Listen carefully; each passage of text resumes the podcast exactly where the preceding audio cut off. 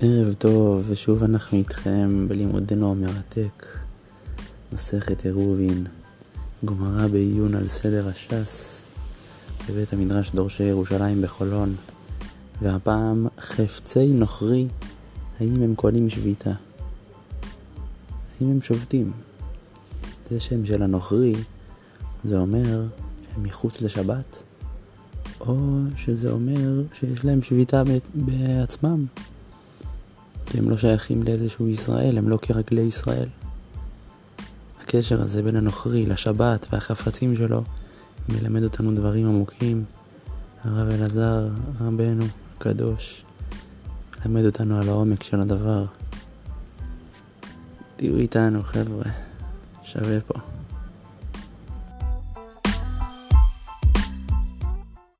שלום לכולם, אנחנו עכשיו מתחילים אה, אה, דף מ"ז עמוד ב' מהנקודותיים, נכון? מלמעלה, אמר רב יהודה. כן. אמר רב יהודה, קודם כל צריך לתת הקדמה חשובה, כדי להזכיר, שיש מחלוקת בין רבי יוחנן בן נורי לבין רבנן, במקרה של חפצים שלא שייכים לאף אחד, מה שנקרא חפצים של הפקר, אם הם קונים שביתה או לא. בסדר? אם עכשיו יש חפץ שנמצא מחוץ לעיר והוא לא שייך לאף אחד, האם החפץ הזה יש לו אלפיים אמה, הוא קונה שביתה וזה אומר שיש לו אלפיים אמה מאיפה שהרימו אותו, לכל כיוון? כן. או שזה לא, החפצים אין להם שום משמעות ולכן זה הולך לפי מי שמרים אותם. מי שהרים אותם, אז הולך, החפץ הולך לפי רגליו, זאת אומרת, תודה רבה. זאת אומרת שיש פה לוח, היה צריך לארגן לוח, לכאורה. צריך להגיד. יש פה לוח? זה רק כדי לעשות איזה סקיצה כזאת מקושקשת. בכל אופן, אם לאדם, נגיד, פה נמצא החפץ, אסף אתה רואה? פה נמצא החפץ, פה נמצא הבן אדם. בסדר? עכשיו, לבן אדם יש אלפיים אמה לפה, ועוד אלפיים אמה לפה. והוא ראה את החפץ פה. פה יש מחלוקת האם עכשיו לחפץ יש אלפיים אמה אפשר לקחת אותו לפה ולפה או שזה הולך לפי הבן אדם שהרים בסדר? וזה הולך לפי הבן אדם שהרים אז אפשר לקחת אותו גם לפה בסדר? זה היה המחלוקת רבי יוחנן בן אורי אומר יש לו שביתה והחפץ קונה אלפיים אמה מאיפה? מעצמו ורבנן אומרים לא זה לפי מי שמרים אותו זה ההקדמה עכשיו אנחנו רואים, אמר רב יהודה, אמר שמואל, חפצי נוכרי אין קונים שביתה. מה קורה אם עכשיו יש גוי שיש לו איזה חפץ, האם החפצים שלו קונים שביתה או לא? זאת אומרת, בסדר? האם חפץ של גוי יש לו אלפיים אמה, הוא קונה שביתה או לא? מובן השאלה? גוי. יש חפץ, גוי, מוסטפא, עכשיו יש לו נרגילה. נגיד, אתה רוצה בחג להשתמש בנרגילה שלו. זו דוגמה טובה, בסדר? בסדר? יש לו, יש לו עכשיו חפץ. האם אתה יכול לקחת את החפץ אליך, יותר אפילו מאלפיים אמה, כי זה הולך לפי הצעדים שלך, או שזה הולך לפי הצעדים שהחפץ איפה שהוא נמצא אלפיים אמה? זו השאלה, האם החפץ קונה שביתה במקום שלו, או שהוא לא, הוא הולך לפי הרגליים של מי שהרים אותו. הבנת את זה עכשיו? מדובר לגוי כאילו? גוי לגמרי, אוקיי. גוי אורגינל, למהדרין. בסדר? כן.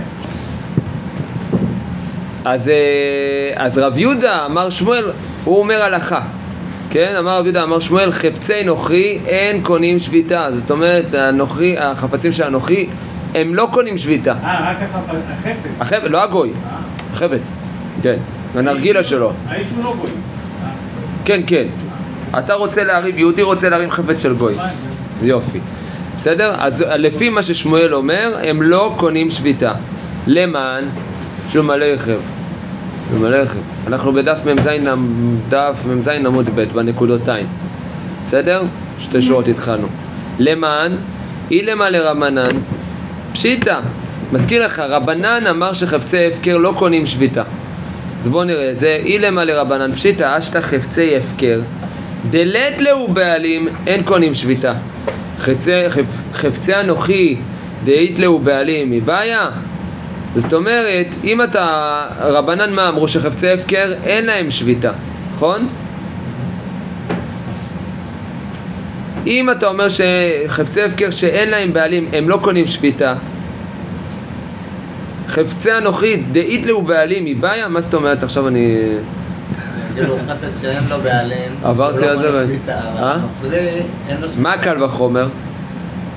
קל וחומר זה אומר שאם עכשיו יש... מה שיותר חמור פה זה החפצים שאין להם בעלים. למה? או, בדיוק, אין להם למה? בעלים. אין. זה לא הם לעצמם. זהו. כן, אולי הם לעצמם, נגיד אולי הם כן יקימו שביתה, רבנן אמרו שאפילו במקרה כזה הם לא קונים שביתה. אז כל שכן זה חפצים של נוכרי, שהנוכרי הוא הבעלים שלהם, והוא לא שהוא, קונה שהוא. ממש לא קונה שביתה. שהוא בוודאות זה- לא קונה זה. שביתה, אז החפצים שלהם זה יותר קל, זה ברור שהם לא יקנו. תסביר את זה עוד פעם לאסף. עוד פעם, אז יש פה קל וחומר. חפצים של הפקר הם יותר חזקים מבחינת התפיסה. הם, יש יותר סיכוי שהם יתפסו, יקנו שביתה מאשר חפצים של נוכרי. באופן כללי. למה? כי, כי נוכרי אין לו שביתה בכלל. נכון? אוקיי. אז גם החפצים שלהם להם אז זה ברור שלא יהיה להם שביתה, כאילו יחס, ביחס לחפצים של יש הפקר. להם בעלים, יש להם בעלים. אין יש, הם מתבטלים לבעלים, בדיוק, הם מתבטלים לבעלים שלהם. בסדר? אז עכשיו אנחנו חוזרים. אם אתה תגיד, מה ששמואל אמר, חפצי הפקר, חפצי נוכרי לא קונים שביתה, אם אתה תגיד שזה לדעתם, לדעתם של חכמים, זה ברור שמה? שהם לא קונים שביתה. למה? כי אם חפצי הפקר, נכון?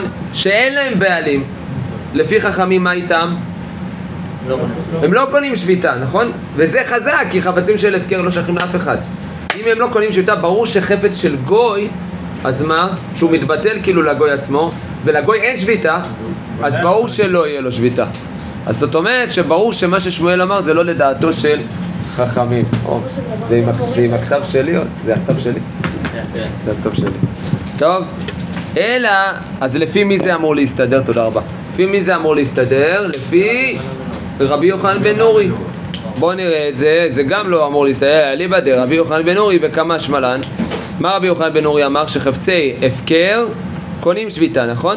כמה שמלן, אין דמה, המה דאמר רבי יוחנן בן נורי קונים שביתה, הנמילה חפצי הפקר דלת להו בעלים. אבל חפצי אנוכי דאית להו בעלים לא. זאת אומרת, זה יותר מסתדר לפי רבי יוחנן בן נורי. למה? שוב, כי רבי יוחנן בן נורי אמר שחפצי הפקר קונים שביתה, וזה רק בחפצי הפקר, אבל חפצים ששייכים לגוי, נכון? אז הם כן הולכים אחרי הבעלים. אז הם כן הולכים לפי הבעלים, ולכן הם לא קונים שביתה. בסדר? ניר. פה כאילו הכלים של ההפקר הם. מה? אפשר יוחנן בן חפצי הפקר הם יותר קלים. יותר חזקים. לפי כולם, חפצי הפקר, באופן כללי. זה החמור כאילו, וזה הקל. זה הפוך על הפוך כזה. לא, הייתי מצפה שמשהו יותר חמור, הוא לא יקנה שביתה. משהו יותר. חזק קונה שביתה. משהו יותר חזק קונה שביתה. זה גם חמור, זה גם חמור וקל. מה שקונה שביתה, זה זה חומרה. זה עוד פעם הסבר על הקונה שביתה? כן. בעיקרון יש מחלוקת בין רבנן. לרבי יוחנן בן נורי. האם חפץ של הפקר קונה שביתה או לא? בסדר? רבי יוחנן בן נורי אומר חפץ של הפקר קונה שביתה. עכשיו, חפץ שלא שייך לאף אחד, אפשר להגיד יותר בסברה שהוא קונה שביתה, כי הוא ברשות עצמו, אפשר להגיד. מה זה אומר קונה שביתה? קונה שביתה זה אומר שבערב שבת, איפה שהוא היה, משם, גם כשנכנסת השבת, אתה יכול להזיז אותו אלפיים אמה לכל כיוון, מאיפה שהוא נמצא. וזה לא הולך לפי מי שהרים אותו. כי אם זה היה הולך לפי מי שהרים אותו, אז זה הולך לפי הצעדים של מי שהרים אותו. אם יש לו אלפיים אמה לכיוון אחר, אז הוא יכול לקחת אותו לנו. אז זה מאיפה שהחפץ נמצא, אלפיים אמה. בסדר? עכשיו, אנחנו מנסים לדון בחפצים ששייכים לגוי, שזה יותר חלש. חפצים של גוי יותר חלש מחפצים של הפקר, כי זה ש... לגוי אין שביתה. ואתה יכול להגיד שאם לגוי אין שביתה, אז החפצים שלו גם אין שביתה, זה מתבטל אליו. אז אם אתה אומר שבחפצים של נוכרי, מה? אין שביתה, נכון? שבחפצים של נוכרי אין שביתה, סליחה, חפצים של הפקר אין שביתה, זה גם אותי מבלבל. אז מה? בחפצים של גוי, ברור שלא יהיה שביתה, כי זה יותר חלש. זה החכמים. זה לדעתם של אם חכמים אמרו שחפצים, נכון. זה קל וחומר. לכן שמואל לא צריך להגיד את זה. אם בדבר החזק אמרת משתנה. שביתה, אז בוודאי שבדבר הקל יותר לא יש שביתה. נכון. כבר אמרנו שבדבר החזק. אז זה כן מסתדר לפי רבי יוחנן בן נורי, כי מה רבי יוחנן בן נורי אומר? רבי יוחנן בן נורי אומר, חפצים של הפקר קונים שביתה. אז אבל חפצים של גוי לא קונים שביתה כי הם יותר, יותר חלשים. זה מה ששמואל אומר. זה, זה כנראה ששמואל אומר את זה לדעתו של רבי יוחנן בן הוא נורי. לא יגיד משהו מיותר. כי, כן, כי הוא לא יגיד משהו מיותר. בסדר, אם אתה תגיד כמו חכמים, אז זה ברור. לפי חכמים, גם בלי ששמואל יגיד את זה. זה, זה המסקנה. בסדר? הוא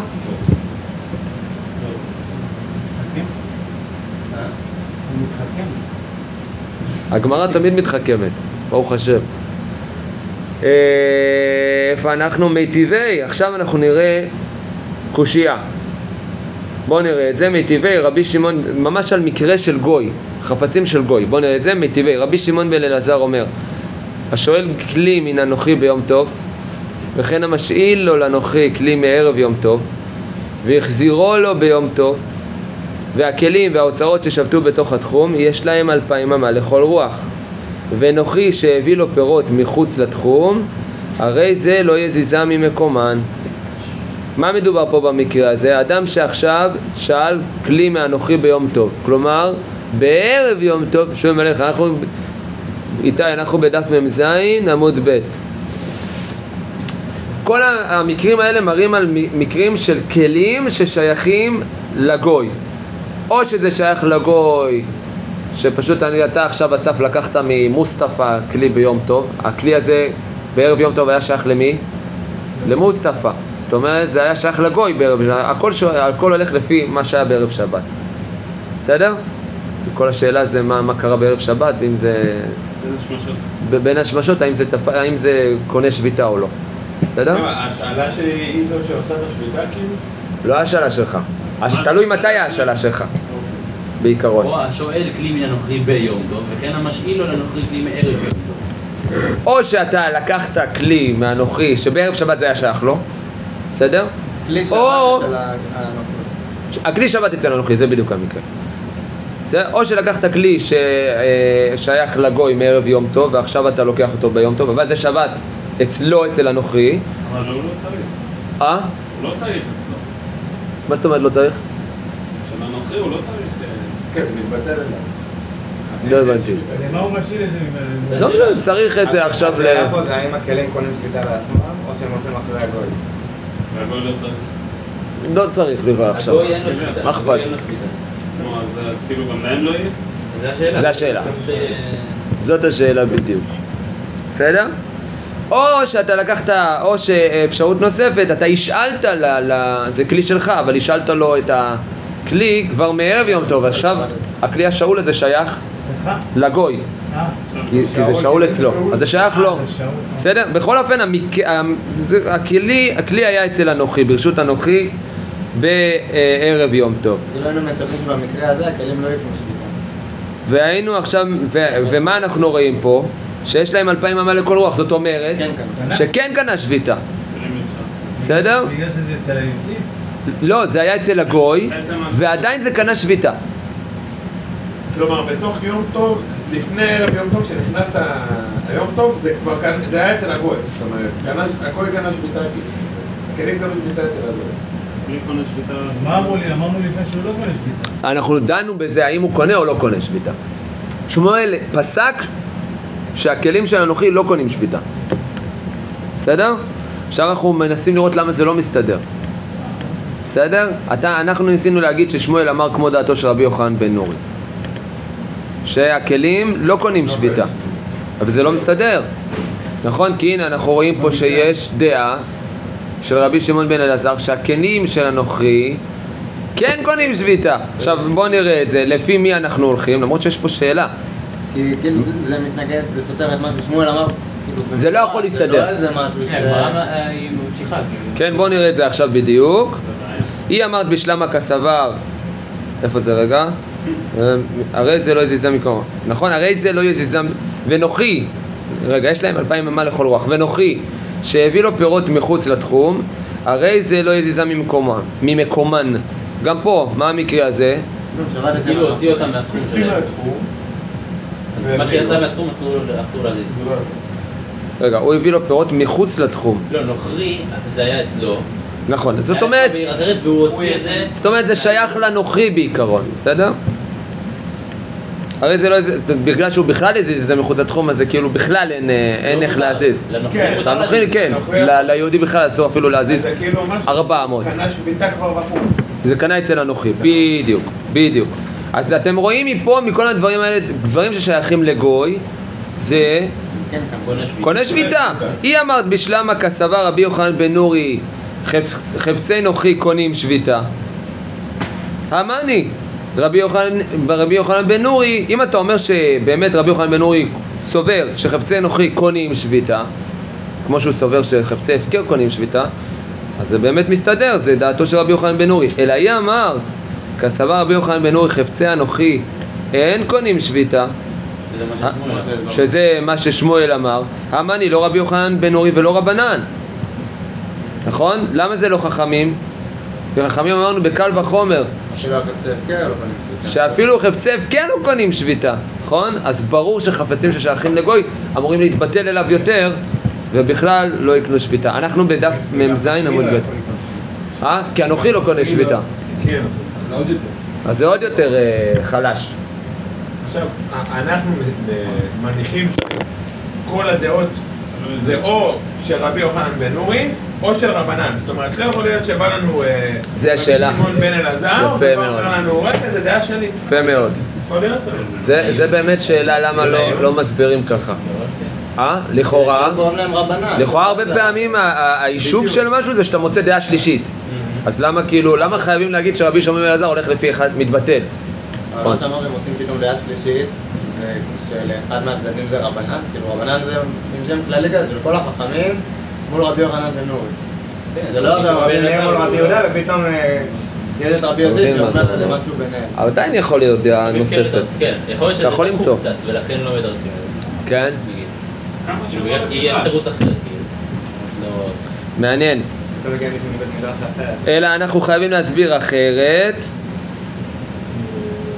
אלא, איפה זה? לעולם כסבר רבי יוחנן בן נורי חפצי אנוכי קונים שביתה.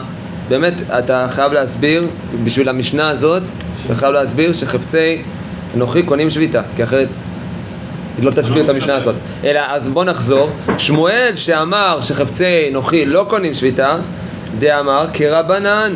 עכשיו, אם אנחנו נחזור לשאלה ודקאמרת לרבנן פשיטא, אם אתה רוצה להגיד, נו, אז פשוט, היית יכול להגיד את זה בקו חומר, לא היית צריך ששמואל יגיד את זה. מהו דתמה? גזירה בעלים דנוכי, אטו בעלים דישראל כמה שמלן. היית יכול להגיד שיש סברה שחפצים ששייכים לגוי, נאסור אותם, נכון? נאסור אותם, למרות שחפצים של הפקר, לפי חכמים, לא קונים שביתה. שחפצים של הפקר, אה, של- ככה היית אומר. למה אנחנו נאסור אותם ונגיד שהם כן קונים שביתה? כי היית אומר שפה במקרה הזה יוצא דופן. חפ... חפצים ששייכים למישהו מאוד מבלבלים. כי אם עכשיו אתה תיקח חפץ ששייך לגוי, אתה בסוף גם תיקח חפץ ששייך לישראל. אז לכאורה הייתי אומר שיש סברה לגזור את הדבר הזה, ובגלל שיש לי הווה אמינא להגיד דבר כזה, לכן שמואל צריך לבוא ולהגיד חפצים של גוי לא קונים שביתה. זה לא יושב לי עד הסוף חזק, אתם יודעים? אפשר שוב תאווה אמינא, אני לא... עוד פעם, או שלום אמנון. בכבוד, בוא שב פה. עוד פעם, לא אבל- מה, מה, רגע, תעצור הכל. תלך אחורה. מה רבנן אומרים? במשנה שלנו, רבנן אומרים חפצי, לפני הגוי, חפצים. של הפקר לא קונים שביתה. הם לא אומרים את זה במשנה, זה ההבנה שאמרנו שהם חייבים להבין את זה ככה. למה, הם כן אומרים, לא? מדברים על אדם שנרדם. אה, נכון, נכון, נכון. זה ההבנה. אה, נכון. להסביר. שהמחלוקת היא על חפצי הפקר. נכון, בדיוק. בסדר? כאילו אסף איתנו? מאה אחוז. בסדר? עכשיו תראו, יש אמירה נוספת שחפצים, חפצים של גוי, לא קונים. מה? לא לא קונים. עכשיו לא צריך להגיד את זה לכאורה. כי זה קל. כי זה, אם זה לא קונה שביתה, זה ברור של, שלא יקנה שביתה. טוב. חפצים של הפקר שלא שייכים לאף אחד הם חזקים הרבה יותר מאשר חפצים של גוי. יש בהם חולשה, זה שייך לגוי, זה מתבטא לגוי. בסדר? זו השאלה ששאלנו. תשובה, למה כן צריך, למה זה עדיין לא ברור? כי הייתי אומר שבחפצים של גוי, הייתי גוזר עטו חפצים של ישראל. הייתי אומר, למרות שגוי בעיקרון, בעיקרון החפץ אמור להתבטל אליו, זה נראה דומה לחפצים של יהודי. שאם עכשיו אתה תתחיל להקל בחפצים של גוי, אז אתה תתחיל להקל בחפצים של יהודי. ולכן, זה- ככה הייתי אומר. ולכן צריך להגיד, גם חפצים של הפקר לא קונים, וגם חפצים של גוי לא קונים, כי כל אחד יש להם סברה למה צריך להגיד את שניהם. עכשיו זה יושב טוב? כי הייתי יכול להגיד, זה, זה כאילו יושב לי בצורה לוגית ולא בצורה... כן, זהו. מכירים את זה? בדיוק. צורה כזאת, גם אה, אצלי זה ככה. בסדר. כי כי כאילו היינו יכולים לומר שחפצים של גוי היו קונים שביתה, למה? כי אם אתה מחמיר בחפצים של ישראל, אז גם אתה צריך בחפצים של גוי. כי אם היית עכשיו... בדיוק. כדי לא להתבלבל, כדי שלא עכשיו תבוא ות... לא תבוא ותלמד מחפצים של גול זה מאוד דומה. כאילו, בסדר? אז, אז למסקנה, מה המסקנה? שמואל אמר חפצים של גוי לא קונים שביתה וזה לפי דעתם של רבנן, זה המסקנה, בסדר? כן. כן. כי לפי רבי יוחנן בן נורי הם כאן קונים שביתה, כן. בסדר? לא, טוב. לא. חפצים של הפקר קונים שביתה, אבל חפצים של... כן, קונים. אתם רואים למה זה לא יושב לי? זה שיש לא יושב לי, זה לא יושב לי חד. קונה אומר, לא, לא משנה. השאלה אם הוא אומר את זה בגלל האטו או בגלל אה, זה, נכון? לא, האטו זה כי כי הייתי יכול לחשוב שיש הווה חמור. יותר בנוכרי. הייתי יכול לחשוב שיש צד חמור יותר בנוכרי, אז אפילו שהפקר לא מה חמור ומה לא חמור? יש קונים לא קונים.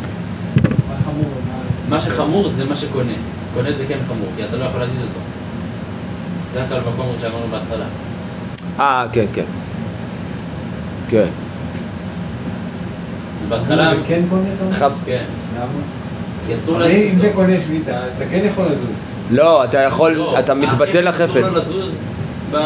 כן, אבל אתה. יכול, אבל אתה יכול להשתמש בזה בתור תחומים. נכון? רק בתחום שלו. רק עד התחום של האלפיים אמה בסדר, אבל מהחפץ. זה מה שאתה רוצה, אבל אם זה לא עושה, אז גם את זה לא, אתה לא אבל אם אתה יכול. רוצה להחזיר אותו אליך... אתה... אתה נמצא פה והחפץ... כאילו, החמור פה זה מקל בצד שני, זה כאילו אתה מושך את השמיכה. אתם עושים שוק. למה? אתה, אתה כבן אדם, יש לך תחום. עכשיו, אם יש משהו שהוא לא בתחום שלך, אבל שיש אבל לו אם תחום של השתמשתי, עצמו, ב- אבל אבל אם השתמשתי, ב- אם אני עכשיו בעיר וזה נמצא בחוץ, אתה רוצה שזה יהיה התחום שלך. אז אתה אומר, אם זה חפצי הפקר, אני לא יכול יכול. למנף אותו. אם אתה רוצה להחזיר אותו. נגיד, אתה יכול להגיד, אה, הב- הב- המים שם, אני תכף מגיע למים, אבל שהמים יהיו, כאילו, לא יש לי קונים, משהו אז אתה לא כזה. כלום. בסוף, בסוף לך יש תחום.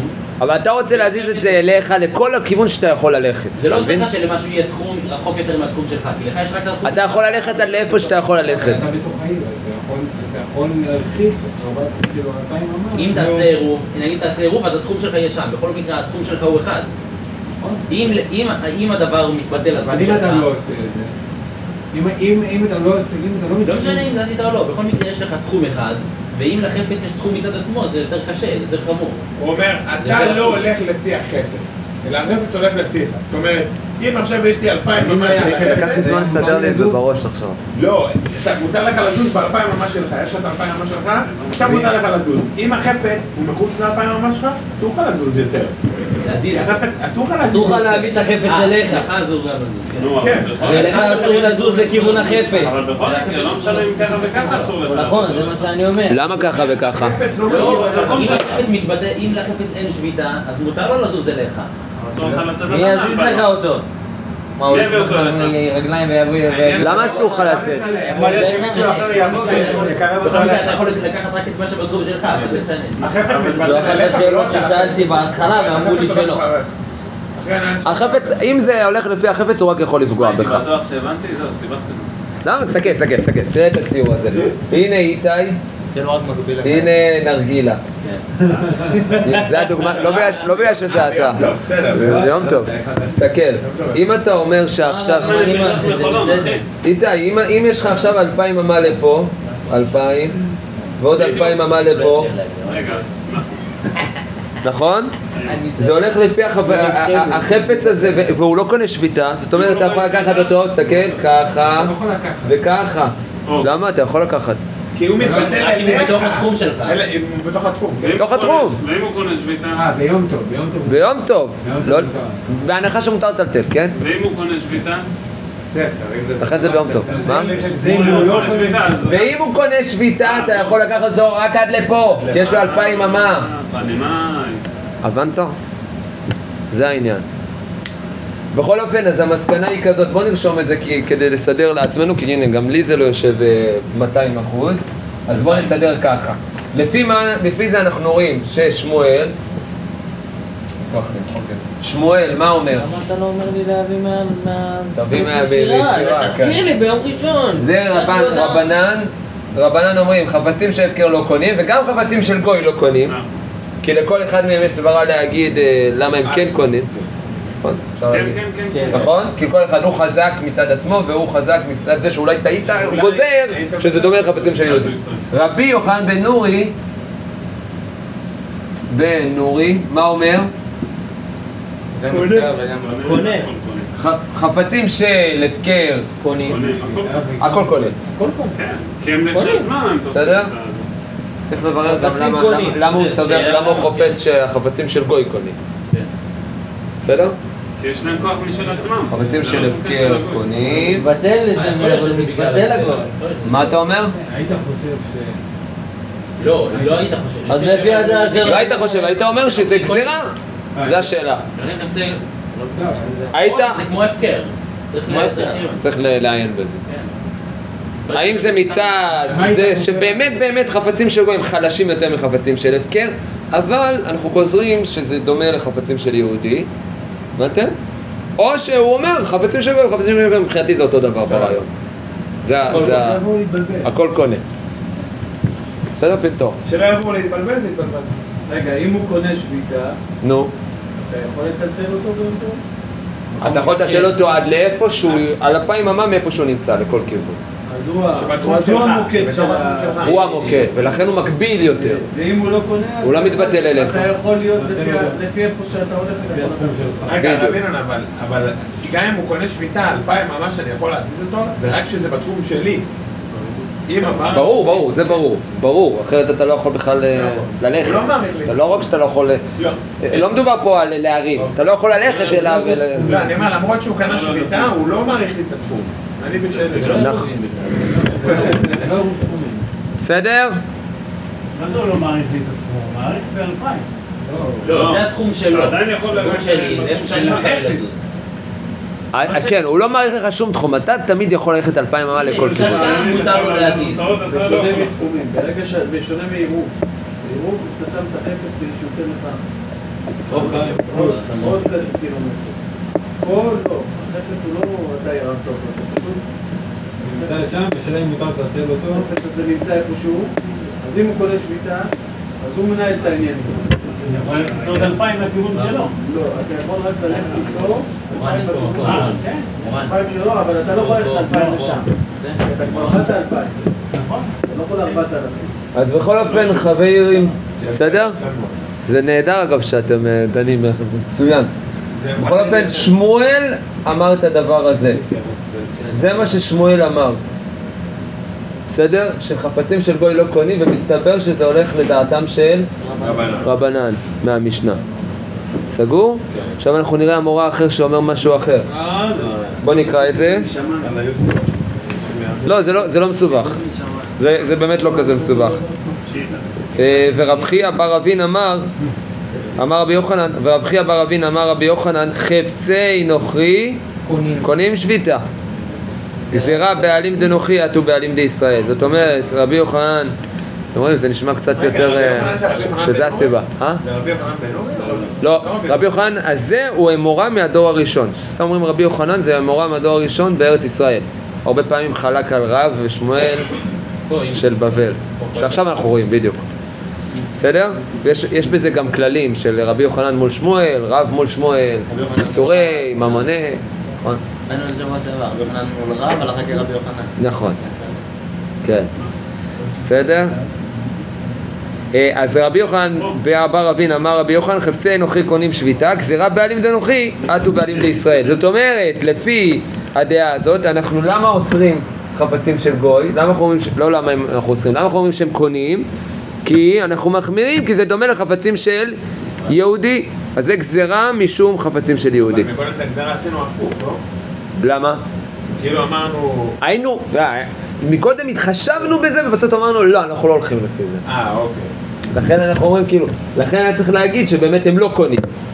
כי היה סברה להגיד את זה. היה סברה להגיד, אבל בשביל להראות שזה לא, אז... לא, ובדיוק, ופה אנחנו רואים שכן, אנחנו הולכים לזה ואוסרים חפצים של אה, אוקיי. הולכים לפי הסברה. גוי. שזה שאלה למה בכלל צריך ללכת לפי חפצים של גוי, למה הוא מתבטל החפץ? מה מה העניין הזה? אבל חפץ מתבטל לגוי? חפץ הוא מצד החפץ. מה, כמו בישראל, מה? למה החפץ שלי? הוא התחום שלי. אני הייתי אומר שהגוי הוא הפקר. אז רק לפי, רק לפי היהודי, זה כאילו, מה מה זה משנה אם זה, לא יודע איך להסביר את ה... אבל הגוי לא קונה שביתה. כאילו, זה לא... כן, אין לו משמעות, אין לו אמירה. האם- הגוי הוא כן, חפץ? התחום של הגוי. אין לו תחום. אין לו לא, תחום. אני חושב שבגלל אולי שהגוי לא קונה שביתה. אה, לכלי. במנותק מהגוי. נכון, אני שואל למה, אבל למה החפץ כאילו, למה זה משפיע על החפץ? אבל רבי יוחנן בן נור בכלל כאילו סוכר. זה נראה זה שזה דעת שלא מי צריך דעת בכלל כדי... שמה? אני חושב לא צריך שזה לדעת מי שאומר שהאדם שביתה. גם אדם ישן, גם כלי הפקר. זה לפי רבי יוחנן בן נורי. זה מתאים, שגם כלים של נוכרי, גם הם יהיו... גם כאילו יקנו שביתה, כי אתה לא צריך פה איזה משהו מיוחד, מספיק. כאילו, המקום שבו אתה נמצא בכניסת שבת או בכניסת החג, זהו, קנה שם שביתה. זה כן, ה... כן. אז אתה אומר שלכאורה זה לא קשור לגזירה אפילו. לכאורה. טוב, בכל אופן בואו נמשיך. יש סיפור. אנו דיכרי דעתו למברחתא. זה אל, אלים. אלים זה אומר כבשים בוגרים, כן? לא איילים. איילים, אלא אלים זה כבשים בוגרים. אנו דיכרי דעתו למברחתא. שרה לאו רבה לבני מחוזה למזבן מניו. יש שני מקומות. אני אצייר את זה עם הציורים היפים שלי. בסדר? יש מקום שנקרא מברכתא ויש מחוזה. מה קרה? הם ברחו למברח. יש, יש שני אלים, לא, הם הגיעו מחוץ למברק. שני אלים שהגיעו למברכתא, הם היו בחוץ. כן, הם לא היו בתוך העיר. מי הביא אותם למברכתא? הביאו אותם גויים, כן? בסדר? זה- זאת אומרת, זה, זה כל השאלה עכשיו. הביאו אותם גויים. שרה לאור רבה לבני מחוזה, למזבן מיני הוא. בחג. לק... לקח, כנראה שהגויים ייקחו אותם למחוזה, נכון? זהו, זו שאלה. לכאורה עשו איזה, לא יודע, אני כאילו? אשלם לך אחר כך. כן, לכאורה. בהנחה שהם כן הצליחו לקנות, זו לא השאלה.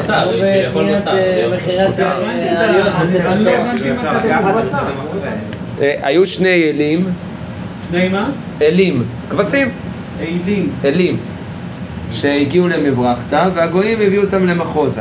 לא, הביאו לא, לא, לא. למברכתא. אני ברחת, אבל... אה, הם ו- במרחק- והמחוזה כנראה נמצאים פה. הם לא, הם עשו עירוב. הם הם סמוכים. עשו עירוב. אה, אה, אוקיי, אז זה מה שרש"י מחוזה אומר.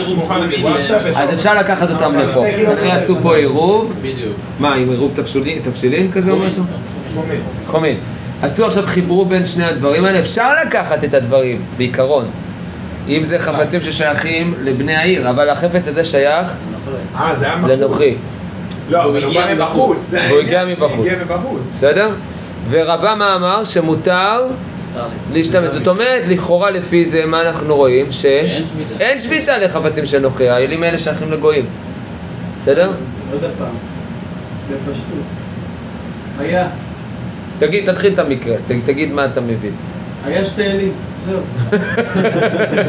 לא שני אלים, שלמי הם שייכים?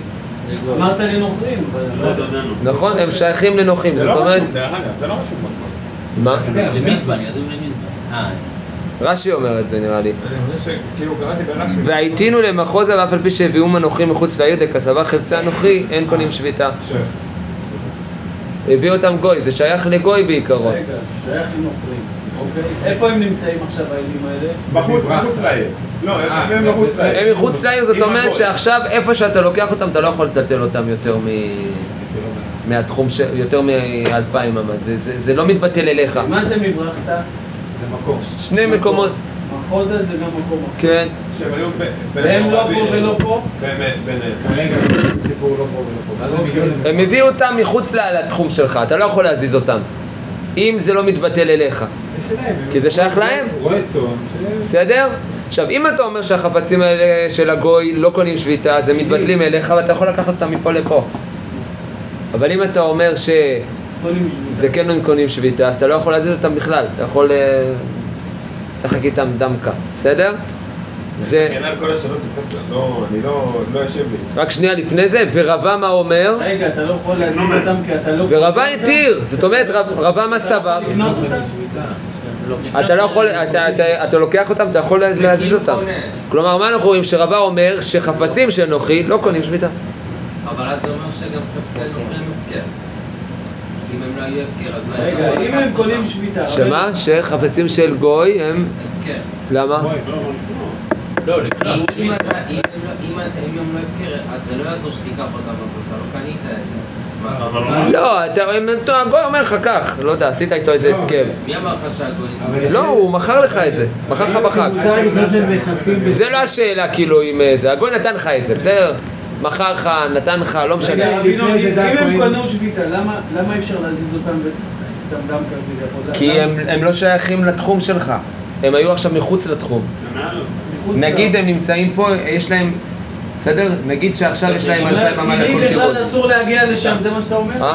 הגיעו משם, אה, כן, סליחה, משם, כי זה החלק שכן. רגע, רבינו, זה מה שאתה אומר. שאני בכלל אסור לי להגיע לשם? אלפיים. אבל הם הביאו את זה, אתה לא צריך להגיע לשם. הם הביאו אותם אליך, גם אם יביאו אותם אליך, אתה לא יכול להזיז אותם באמת. למרות שזה מוזר, כי... במקום אחר? זהו, מה- מה אבל החידוש הם פה? לא קונים החידוש פה שביתה, לכן הם הולכים לפי- מי שקונה אותו. אה, כי הם קנו שביתה במקום אחר, אתה מבין? אה, כן, אנחנו כן נראה שזה כן שונה אחד. מה? כי הם קנו שביתה במקום אחר, אז אתה לא יכול להזיז אותם. נכון, בדיוק. אם אתה אומר שהחפצים של נוחי עדיין קונים שביתה איפה שהם נמצאים, בסדר? אז זה מה שרבה אומר, לא, החפצים של, של נוחי לא קונים שביתה, ולכן אפשר היה לקנות, להזיז מפה לפה והכל בסדר. יש על זה קושייה. עדה, אה, ו... אמר לרבינה, אתם רואים את זה? כן. אמר לרבינה לרבה, מהי דעתיך? דאמר רב יהודה אמר שמואל חפצי אנוכי אין קונים שביתה, אתה הולך לפי דעתו של שמואל? שחפצי אנוכי לא קונים שביתה ולכן אתה הרשית לבני מחוזה לקחת את הכבשים אליהם? ואז שמואל ורבי יוחנן הלכה כרבי יוחנן, נכון? אם יש את אה, שמואל מורה רבי יוחנן, רבי יוחנן לוקח. ואמר רב חייא בר אבין, אמר רבי יוחנן, חפצי נוחי, קונים שביתה, גזירה בעלים דנוחי, עטו בעלים לישראל. אז זאת אומרת שרבה לא מסתדר, נכון? ולכן הדר אמר רבה, לזדבנו לבני מברכתא. מה זה נסדק? הם מכרו לבני מברכתא. עכשיו אנחנו צריכים להסביר למה. למה בעיקרון אפשר... שוב, שימו לב. לכולם כי ארבע עמוד אמן. כן. בוא נקרא את זה שנייה. דכולם מברכתא לדידו כד- כדלת דמו דמיה. מה זאת אומרת? עכשיו, הכבשים היו פה. קנו שביתה. הם קנו שביתה פה. ואנחנו אומרים שחפצים של... אנחנו הולכים לפי רבי יוחנן, אין ברירה. חפצים של נוחי קונים שביתה, בסדר? עכשיו זה, אה, אה, הביאו הגויים את הכבשים האלה לפה, בסדר? בגלל, ש, בגלל שהם, בעיקרון בעיקרון היה אסור לטלטל, אבל בגלל שמברכתא זה עיר שהיא מוקפת, אז היא נחשבת כמו דלת אמות. זאת אומרת שאתה יכול להזיז את הכבשים בתוך הדלת אמות האלה פה. אתם, מבינים? שוב, אבל זה- מעורב עם מחוז. אז מה החידוש? החידוש זה שהוא שר אל לבני מחוז? נכון, זו שאלה. שאלה, אבל לכאורה בגלל שמחוזה זה לא מוקף, אתה לא יכול להזיז את זה החוצה מחוץ למחוזה. אתה יכול להזיז את זה רק במקום רק שהוא סגור. אז- אז רגע, אז- הבנתם את זה עוד פעם? בעיקרון, אני אני לא יכול להזיז את הכבשים האלה יותר מדלת אמות. עוד פעם, תקשיבו, תקשיבו, ואז... ת- בעיקרון... לא. כתוב, רש"י אומר את זה. שזה, המברחתא זה, זה מוקף. הנה, תסתכלו, הוא אומר שזה כמו... והנה, למזבן מיני הוא והייתינו למחוזה, ואף על פי שהביאום אנוכי מחוץ... סליחה, סליחה, סליחה. כתתנן במתניתין ולכו לירחק. כן. וניתנו בדין. כי ארבע אמות תניא דידי מדינתי לא ילכו לעיר אחרת או נתנו בדיר ושר וזה כמו דיר, שר, ספינה, כל הדברים האלה שיש להם מחיצות, הנה הוא אומר את זה ממש בסוף והוא הדין לעיר שיש לה מחיצות שוב, בעיקרון, בגלל שהחפצים האלה, הכבשים האלה הגיעו מחוץ לעיר, אתה יכול להזיז אותם רק בדלת אמות שלהם. אבל כל העיר נחשבת כמו דלת אמות, לכן אתה יכול להזיז את זה. למרות שמברכת במחוז שזה עירוב, עדיין יש פה היררכיה של אה, עירובים. מקום מוקף. בברכת כאילו עירוב יותר חזק, ובמחוז הזה יש עם... יפה, זאת אומרת, זה- זה עירוב יותר חזק מאשר עירוב עם מחוז. כי זה ארבע אמות. לא, זה לא עירוב, זה לא- זה סתם זה- מחיצות פשוט. לכן זה ארבע אמות. אז- אז- זה לא. לא, אין בעיה, אבל- אבל זה, יש בתים בפנים. יש בתים בתוך ה... בסדר, יש אה, חומה. אבל אז אתה מכשיל לא הכל, ואז... אז אתה אומר שכל זה, זה לא עירוב בכלל, זה מקום אחד לגמרי. ככה זה ככה זה גם עירוב, לא? עירוב, זה ארבע, זה למה אומרים פה לא? מה שאנחנו אומרים היום עירוב עם החוץ, זה כן, זה רשות היחיד כאילו. זה כאילו מקום מוקף עירוב, עירוב תחומין זה לחבר שני מקומות, ללכת וזה. אוקיי, אבל פה זה בכלל לא עירוב תחומים, זה ממש רשות יחיד. בגלל שיש גזירות זה ממש... אה, ארבע אמות למה מזכירים פה את כן, מחוז גם. בכלל אם אתה במשחק שלך אתה לא לא מס... כאילו... כי רבא בהתחלה היה. מה? תסביר, שאל הכבשים באים למברכתא ואתה אומר ארבע אמות, כן? כאילו כל מברכתא, בגלל שהיא עיר מוקפת. כן. אבל, אם, אבל, אבל אתה לא יכול לקחת אותה מחוץ לעיר. לא... נכון. לא, כי, זה. כי, כי הכבשים שייכים לגוי, ובגלל שהכבשים האלה היו שבתו פה, אתה לא יכול להזיז אותם יותר מדלת אמות. אז הגויים האבלים האלה הביאו אותם לפה, אבל... ופה יש לך ארבע אמות. נגיד הם היו מגיעים למחוזה, גם למחוזה אי אפשר... לא, כי מחוזה, למה לא? אז רק במחוז היה שם. אם היו מביאים אותה למחוזה... בתוך הארבע אמות. אנחנו לא יודעים, אה, גם... אה, אני חשבתי שמחוזה פשוט לא מוקפת. אולי כן, זה לא משנה. זה מה ש... בכל מקרה אי אפשר לעבור מעיר לעיר. אבל כן. זה- זה- זה לא- זה עירוב יותר כן. חלש מאשר הארבע אמות של מברחת, שזה בכלל רשות היחיד. אוקיי, כן, זה לא... גם זה לא- לעיר. זה לא... של- יכול להיות שגם מחוז זה יחיד. אה? עם הנוצרי היה כבשים של ישראל הדין היה אותו דבר. אם הכבשים של ישראל היו פה, כן, אותו דבר. החידוש זה שזה כבשים של גוי. זה. אם, אם הישראל גר במברכתא והוא הביא את זה מחוץ למברכתא לשם, אז היה מותר להזיז בכל האלפיים. לפי הרגליים בכל האלפיים עד לפה. לפי הרגליים של הישראל. כן. גם לשם הוא היה היית יכול. אבל זה היה מגיע לפי המיקום של החפץ, לא לפי הרגליים של הנוכרי. כמו חפצי. ל- לנוחי אין שום משמעות. כי הוא, אין לו, אין לו שביתה. לא, אבל הכבשים עצמם. אז אנחנו אומרים שכבשים ששייכים לגוי, הם קונים לא בגלל שהם שייכים לגוי. כי בתכלס זה, זה די חלש שהם שייכים לגוי, הם אמורים היו להתבטא ליד. הם קונים בגלל שאנחנו גוזרים של חפצים של גוי, שמא חפצים של יהודים. אם אתה תתיר בחפצים של גוי, אתה תתיר גם בחפצים של יהודים. אז זה הוכחה בעצם לסיפור הזה לרבי יוחנן בן יוחנן. זה, לא, לא. זה לא הוכחה לשום דבר. רבי יוחנן אומר. שגם חכמים אומרים שחפצי נוכרי קונים שביתה. זה בדיוק העניין, יש מחלוקת בין רבי יוחנן לבין אה, שמואל. נכון, אז זה ההלכה, נכון. כאילו. גם רבא הולך לפי רבי יוחנן. כן. בדיוק. בסדר? אני, בעצמי צריך לחזור על זה. אה? מה זה משנה בסדר לא בסדר? בוא נמשיך. לא, זהו, נגמר, בעיקרון סיימנו. לא, לא, קצת, יש עוד קצת. לא, לא, אני חשבתי על זה, נראה לי שעדיף עדיף לעצור, כאילו, אחרי זה זה- עוד... זה לא ממש קרוב. זה לא כזה קרוב. איפה הגיע? בסדר, זה טוב, כי אני חושב שיש בזה הרבה, בסוגיה הזאת יש הרבה מה. לדון. בסדר? יש פה מספיק אה, דחרי, מספיק אה, אלים. אנו דחרי. נעם נמידה. פה במקרה הזה לנו מהכבשים.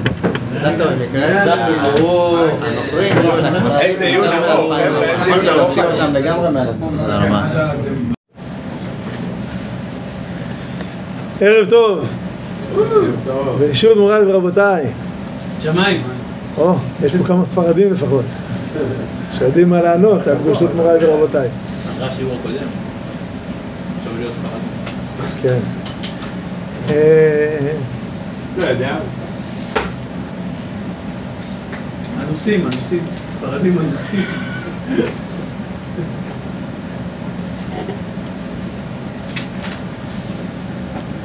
אמרו לי לפתוח שוב בדברי חיזוק. כשהרב אמרו לי זה לא מחזק.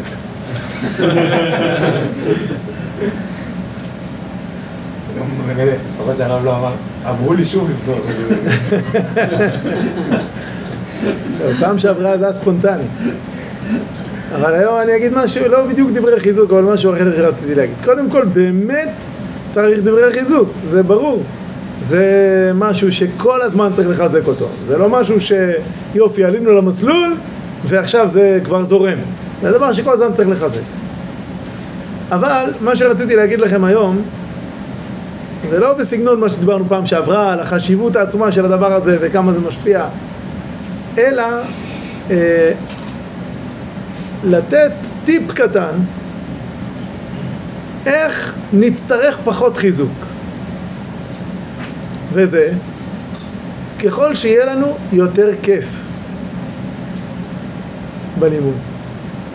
עכשיו זה כאילו מובן מאליו, אבל זה... אני רוצה להדגיש את הגודל האידיאל של הכיף. כי בדרך כלל יש אידיאלים, אה, יש כיף כי אנחנו חלשים, אז, אה, אז, אה, אז אנחנו מחפשים גם כיף. אבל הכיף זה דבר מאוד מאוד חשוב, זה אידיאל גדול שיהיה לנו כיף בלימוד. לדוגמה, זה שמשקיעים פה ומפנקים פה באוכל שווה, זה חתיכת דבר חשוב. זה, אני היום רוצה לחזק את מי שתורם אוכל. זה דבר חשוב מאוד. זה... ברגע שאתה בא, וזה לא רק האוכל, הרבה יותר חשוב מהאוכל, זה האווירה, האווירה החברתית. אני לא מספיק מכיר פה את כולם, כי בעצם אה, אני נמצא לפני זה בשיעור אחר, אני בא רק לשיעור, אז כן, מדי פעם אני משתדל אה, לשאול איך קוראים לך ואיך קוראים לך, ובמקרה הטוב אני גם קצת זוכר, וברוב המקרים אני צריך לשאול עוד פעם. אבל, אבל אתם ביניכם, לדעתי, צריך להשקיע, להשקיע בזה אפילו כמה דקות כל פעם. שכל פעם לקחת למשל איזה מישהו שמתנדב, שיספר קצת על עצמו. הרי לא כולכם מכירים אחד את השני לעומק. תקנו אותי אם אני טועה. זה לא שכולכם גדלתם ביחד באותו צבא או באותו ישיבה או שאתם עובדים ביחד או משהו כזה. אז uh, קצת יותר להכיר, קצת יותר לספר איזה סיפור מעניין על עצמכם, איזה פרט שאף אחד לא יודע עליך, uh, שאף אחד פה בנוכחים, לא נמציא עכשיו איזה משהו שאף אחד לא יודע, זה קשה, אבל, uh, אבל נראה לי שברגע שמצליחים ליצור אווירה שהיא אווירה כיפית, אז, אז קודם כל כבר, כבר אתה יודע שמחכים לך, החבר'ה מחכים לך. זה כמו ש... שוב, הרי בסופו של דבר, לימוד התורה שלנו, פה בערב הזה, עומד מול אלטרנטיבות. מה הייתי עושה אם לא הייתי פה עכשיו? מה? או-אה, אתה אומר. אמרתי בלב. כן. מה, מה באמת... זה יכול להיות uh, כל מיני סוגים, uh, יש אחד אולי שהיה עכשיו uh, בבית עם אשתו והילדים, יש אחד שכבר היה ישן, יש אחד שהיה קורא איזה ספר, יש אחד שהיה עושה ספורט, יש אחד... כל מה שאתה בוחר לעשות, תמיד יש על זה אלטרנטיבות. אז ברגע ש... שהאלטרנטיבה הזאת היא קודם כל כיפית, אז יותר קל לבחור בה. וכאשר זה גם כיף לך עם האנשים, ואתה יודע שמצפים לך, זה גם כל אחד קצת... אה, יש אנשים שהם יותר אה, מונעים, באופן כללי, איך להניע אנשים זה תורה שלמה.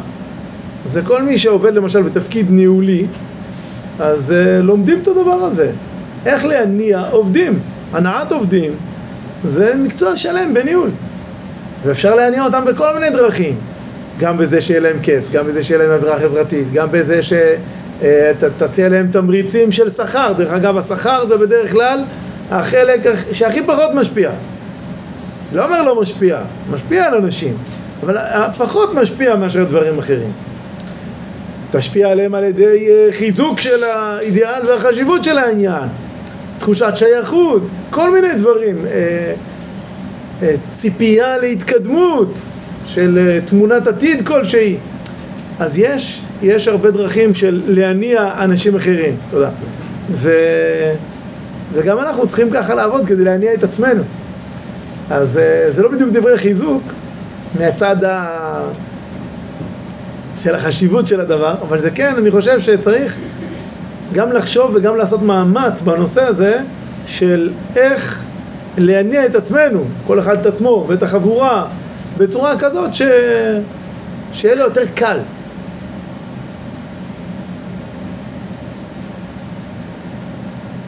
באופן כללי, אני מוצא את אחד הדברים הכי קשים בעולם זה לקום בבוקר. אה, כאילו, השעון מעורר, אז אתה ישר אה, דופק עליו, אתה ישר מעביר אותו לנודניק וכן הלאה. ופעם, אה, היה איזה זמן שהקלטתי לעצמי שעון מעורר. כאילו, הרי אפשר כל מיני... אה, דברי חיזוק. משהו כזה, משהו כזה. אבל מה, מה הדברי החיזוק שהרגשתי שהכי ישפיעו עליי? אני באופן אישי ככה.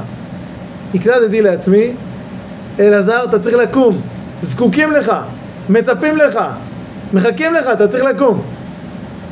עכשיו, לי, עליי זה מאוד השפיע, כי אני בן אדם מאוד uh, שקשור, uh, איש של אנשים, כאילו, קשור לאנשים, אז כשיש אנשים שמצפים לי, זה יותר משפיע עליי מאשר אני אגיד, סליחה, הקדוש ברוך הוא מצפה לך.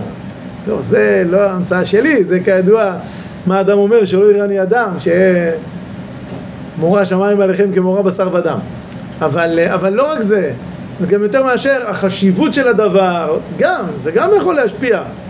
שוב, כל אחד מה שמשפיע עליו, למצוא את, ה, את התרגיל, את הטריק, איך, לא איך, רק איך לחזק את עצמי, אלא איך לגרום לעצמי, איך להניע את עצמי, איך לגרום לעצמי שיהיה לי יותר קל, יותר זורם, יותר אה, טבעי. אה, הרב, בצבא היינו שמים אה, הקלטה של הרס"ר. זה-. זה ממש טבעי, הרב. זה הנאה חבל על הזמן. כן. כן. כן. זה לא- זה לא הכיף. מניע אותך מהמיטה החוצה ממש, זה מנער אותך. אבל השאלה היא באמת עד כמה זמן זה מחזיק מעמד וכולי וכולי. טוב, ניגש לסוגייתנו. כרגיל, אנחנו נפתח קודם כל בסקירה של שתי דקות על מה בעצם יש לנו בעמוד הזה, ואחר כך בשאלות שלכם. אז קודם כל, מה יש לנו פה בעמוד הזה? אה, מאוד נוח שכל העמוד הזה עוסק בנושא של חפצי נוכרי, אם הם קונים שביתה או לא. זה ממש נושא מאוד אחיד, שבהתחלה הגמרא אומרת, שמואל אומר, שחפצי נוכרי אינם קונים שביתה. הגמרא מבינה שלא יכול להיות שהוא אומר את זה לדעת חכמים כי זה פשיטה, אז כנראה הוא אומר את זה לדעת רבי יוחנן בן נורי. אז לפי הוומינה הזאת, בעצם לפי כולם הוא אומר שחפצי נוכרי אינם קונים שביתה. כי לפי חכמים זה פשיטה, והוא מחדש את זה לפי שמואל, לפי רבי יוחנן בן נורי. הגמרא דוחה את זה מפני שהיא מביאה ברייתא, שרואים בברייתא שיש דעה של תנא שאומר שהשואל כלי מהנוכרי יש לו אלפיים אמה לכל רוח, כלומר חפצי נוכרי כן קנו שביתה. אז יש דעה כזאת, אתה לא יכול להגיד שגם לפי רבנן וגם לפי רבי יוחנן בן נורי חפצי נוכרי אין קונים שביתה. אז מה התכוון שמואל? מבינה הגמרא שהוא התכוון לפי רבנן. באמת, לפי הברייתא היא רבי יוחנן בן נורי. שכמו שהוא אומר שחפצי הפקר אה, לדעתו. קונים שביתה, אז, אז גם חפצי נוכרי קונים שביתה. אה, תניח, אני, אם אני אצטרך אני אקח. בינתיים אני אסתדר. זה לפי רבי יוחנן בן נורי. אבל עכשיו הוא משנה את מה שרבנן אמרו, ובעצם מסביר שמואל ש... אה, סליחה, מסבירה הגמרא שמה שאמר שמואל חפצי נוכרי אין קונים שביתה, זה לדעת רבנן. ובעצם לכן למסקנת הגמרא, לפי שמואל, יש מחלוקת בחפצי נוכרי בין רבי יוחנן בן נורי לבין רבנן. כמו שהיה לנו מחלוקת בעניין חפצי הפקר, כך הם נחלקים גם לעניין חפצי נוכרי. אבל בהמשך אה, מביאה הגמרא את הסיפור על האלים, הדיכרי, שהובאו למברכתא, ובהתחלה הרב התיר לקחת אותם, על פי דברי שמואל, אה, ושחפצי נוכרי אין קונים שביתה לפי רבנן, אבל בסוף רבינה אמר לו שהלכה כרבי יוחנן, שחולק על שמואל, שרבי יוחנן אומר שגם לפי רבנן חפצי נוכרי קונים שביתה. למה? כי גוזרים בעלים של, כאשר זה חפצי נוכרי, אגב, בעלים ישראל. אז נסכם רגע במשפט אחד. בעצם היה לנו פה הווה אמינא שנדחתה, ואז דעת שמואל ודעת רבי יוחנן. הווה אמינא הייתה שבעצם שמואל אומר שלפי כולם חפצי נוכרי אין קונים שביתה. דחינו את זה, ראינו שבוודאי יש שיטה שכן אומרת שקונים שביתה. ואז הסברנו שלפי שמואל יש מחלוקת בדבר, בין רבי יוחנן ובן רבנן. אבל רבי יוחנן, וככה הגמרא פוסקת הלכה למעשה, למסקנה, שרבי יוחנן אומר שבעצם לפי כולם חפצי נוכרי כן קונים שביתה. לפי רבי יוחנן ביום ודאי, ולפי רבנן זה בגלל הגזרה. בסדר? עד כאן אה, סיכום של מהלך הסוגיה. השאלה אם זה לפי, אה, לפי רבי יוחנן, האם רבי יוחנן בן נורי סובר ככה בגלל גזירה, או לא בגלל גזירה? שזה כמו חפצי או שזה דומה ממש לחפצי חפצי הפקר, כאילו, מצד עצמו. הגמרא שואלת את זה? לא, אני... לא, אני- אתה שואל. כן. אוקיי. אתה שואל האם לפי רבי יוחנן בן נורי זה גם מחמת הגזרה, או שזה באמת קונה כמו חפצי הפקר. כן, רק נאמר משהו ב- בהקשר של השאלה הזאת, בעצם זה מוסכם ומובן ש... שההיגיון אומר שחפצי נוכרי, הרי נוכרי אין לו שביתה, הוא לא שובת בשבת. וחפצים שהם הפקר, אתה יכול לדון אם יש להם שביתה, אין להם שביתה. חפצי נוכרי יותר הגיוני להגיד שאין להם שביתה, בגלל שבאופן טבעי חפצים נגררים אחרי הבעלים. והנוכרי, הבעלים בוודאי אין לו שביתה, אז יש סברה לומר שהחפצים נגררים אחרי הבעלים ולכן לא יהיה להם שביתה. אז לכן, זה הבסיס לשאלה של ינון, שבעצם גם אם נגיד שברור שכמו רבי יוחנן שלפי כולם חפצי נוכרי קונים שביתה, אז גם לפי רבי יוחנן בן נורי שאומר שבחפצי הפקר אין קונים שביתה, סליחה, קונים שביתה, אז השאלה לגבי חפצי נוכרים זה בגלל הגזירה או לא. כן, עוד שאלות. אם, אם בסוף למסקנה הוא, אה, אומרים שכולם סוברים שגם רבנן וגם רבי יוחנן בן נורי שחפצי נוכרי כן קונים שביתה אז מה, אז מה, אז הממרה הזאת של אמר רבי יהודה אמר רב, אז מי זה? מי, מה, מה הדעה הזאת? מאיפה הם הביאו את ההלכה הזאת בעצם? לפי ה... הממרה של רב יהודה אמר רב? אמר שמואל. אמר שמואל אמר... אה, שמואל חולק על רבי יוחנן. אמר רבי יהודה אמר שמואל. כן, יש פה מחלוקת בין שמואל לבין רבי יוחנן. שמואל, למסקנת הגמרא, שמואל אומר שנחלקו בזה רבי יוחנן בן אורי ורבנן, ורבי יוחנן אומר שאין מחלוקת, וכולם סוברים שחפצי נוכרי קונים שביתה. אוקיי, אז זה כאילו מחלוקת בין רבי שמואל ורבי יוחנן, האם חלקו... האם יש מחלוקת? נכון, מחלוקת, האם יש מחלוקת, כן. שמואל אומר שיש מחלוקת, ורבי יוחנן אומר שאין מחלוקת. לדעת כולם, חפצי הפקר, קונים שביתה. חפצי נוכרי קונים שביתה. נכון, נכון. הרב, העניין עם החפץ שמתבטל לבעלים, למה, אני, העניין שלי זה עם הגוי. רש"י רושם שחפצי, הנוכ- הגמרא אומרת חפצי הנוכרי דאית לאו בעלים. כלומר אין בעלים, ורש"י רושם שהגוי הוא לא, לאו מבני שפיטה. זאת אומרת, הוא, הוא לא שובת. אז למה, שהחפ... למה שהחפצים יהיו מתבטלים אליו? הרי אם אנחנו לוקחים אותו כאדם, אז היינו צריכים להגיד, אוקיי, אם הגוי אדם כאן לענייננו, אז גם הגוי קונה שביתה. לא, קונה שביתה זה במובן של שבת, שהוא שובת בשבת.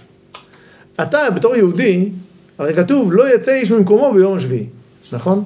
אז אתה ביום השביעי, איפה שבעיקרון, אם לא עשית עירוב תחומין, אז איפה שנכנסה השבת, שם היית, שם קנית שביתה.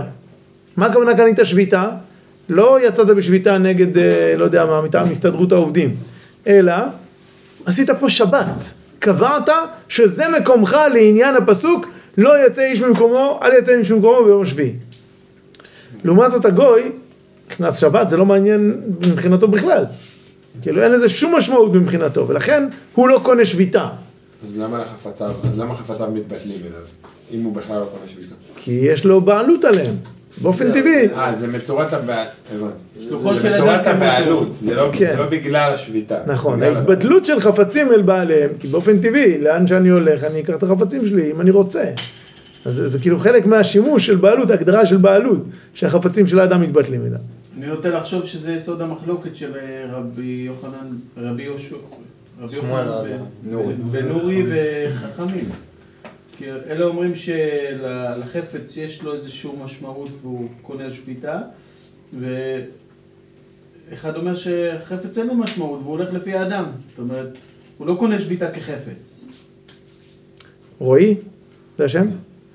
אז, אה, אז אני רוצה, לפני שאני עוד מתייחס למה שאמרת, אני רוצה להתייחס לנושא שאליו אתה מתייחס. ולהגיד שבאופן כללי, כשאנחנו ניגשים לעמוד הזה ולומדים את העמוד הזה בעיון, אז במה אנחנו מתמקדים? ובאמת, אחד הנושאים, תמיד, ברגע שמצאת מחלוקת, יש פה מחלוקת כלשהי, אז מיד זה נושא מרכזי לעיין בו. יש פעם הרב ישי ויצמן מהישיבה, אז הוא פעם אה, כתב מאמר שהכותרת שלו הייתה, ברוך השם מצאתי מחלוקת.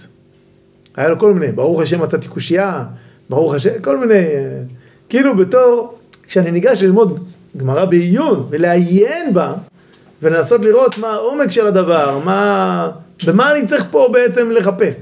עכשיו, על כל עמוד כזה, אפשר לשבת חצי שנה. ללמוד את כל הראשונים וכל האחרונים שדיברו עליו, ויש על כל קוצו של יוד, יש פה המון המון אה, דברים שנכתבו. אבל אה, הנושא שרועי הציג אותו, מה בעצם שורש המחלוקת, הוא תמיד דבר מאוד מאוד מרכזי. כי ברגע שיש מחלוקת, אנחנו מבינים שגם ה... גם הדעה הזאת וגם הדעה הזאת, זה לא שסתם ישבו רגל על רגל בבית מדרש ואחד אמר משהו, אז שאני אומר, אתה יודע מה? יאללה, אני הפוך. היה להם איזשהו טעם, היה איזה, יש, יש אנרגיה שמובילה אותם לוויכוח הזה. אז לכן, אם אתה רוצה להבין, בעצם גם אם אין מחלוקת דרך אגב, גם אם אין מחלוקת, השאלה שמקבילה לשאלת מה יסוד המחלוקת, מה שורש המחלוקת, זה סתם שאלת למה, פשוטה, שכל ילד בן שלוש יודע לשאול, אבל למה? ואז אתה עונה לו, אבל למה? וכן הלאה, עד אין סוף. אז, אה, אז זה בעצם שאלה שגם אנחנו יכולים לשאול על כל דין בגמרא, גם אם לא היה פה מחלוקת. והיו אומרים שחפצי נוכרי אין קונים שביתה, אז היינו שואלים את השאלה למה. אבל כאשר יש ויכוח על זה, זה עוד יותר מחדד. רגע, אז למה הוא אומר כך והוא אומר כך? מה בעצם גורם למחלוקת הזאת? ואני רוצה רגע לחדד שאפשר לומר שיש לנו פה בעמוד הזה שתי מחלוקות. כן, כי זה מחלוקת בין רבי יוחנן לרבנן, וגם בין רבי יוחנן לרב שמואל. כן, בואו נקרא לו רבי יוחנן בן נורי, בן נור. כדי uh, לחדד את ה... להבדיל בינו, כי זה מבלבל פה בין... רבי יוחנן ורבי יוחנן. נכון. הגאות הבח פה עושה כמה פעמים תיקונים בעמוד שלנו, כי באמת, גם בגמרא זה מבלבל. אה, אז, אז יש פה מחלוקת, שוב, לפי שמואל, למסקנת הגמרא, יש מחלוקת בין רבי יוחנן בן אורי לבין רבנן. שזה מחלוקת שצריך להבין אותה. אבל יש עוד מחלוקת בין רבי יוחנן לשמואל. זאת אומרת, ברייתא למשנה. אה, זה היה בהתחלה. בכלל אם יש מחלוקת או אין מחלוקת. יש ביניהם מחלוקת רק לגבי... האם עושים את הגזרה או לא עושים את זה. חפצי. נוכרי. כל המחלוקות פה זה לגבי חפצי נוכרי. אבל לפי שמואל, למסקנה, יש מחלוקת שרבי יוחנן בן אורי אומר שחפצי נוכרי אה, אה, קונים. שביתה, כמו שחפצי הפקר קונים שביתה, אז גם חפצי נוכרי קונים שביתה, ולפי רבנן, חפצי נוכרי אין קונים שביתה. ולמרות שאמרנו שזה נראה כפשיטה, אבל החידוש הוא שלא גוזרים. עטו חפצי ישראל. אז זה מחלוקת אחת. מחלוקת שנייה זה המחלוקת של שמואל עם רבי יוחנן, של שמואל עם רבי יוחנן, המורה, דעת רבי יוחנן שאין בכלל מחלוקת. ובעצם המחלוקת שלו עם שמואל זה האם רבנן גוזרים או לא גוזרים. לפי שמואל המסקנה, כל החידוש הוא שלא גוזרים. שלא גוזרים.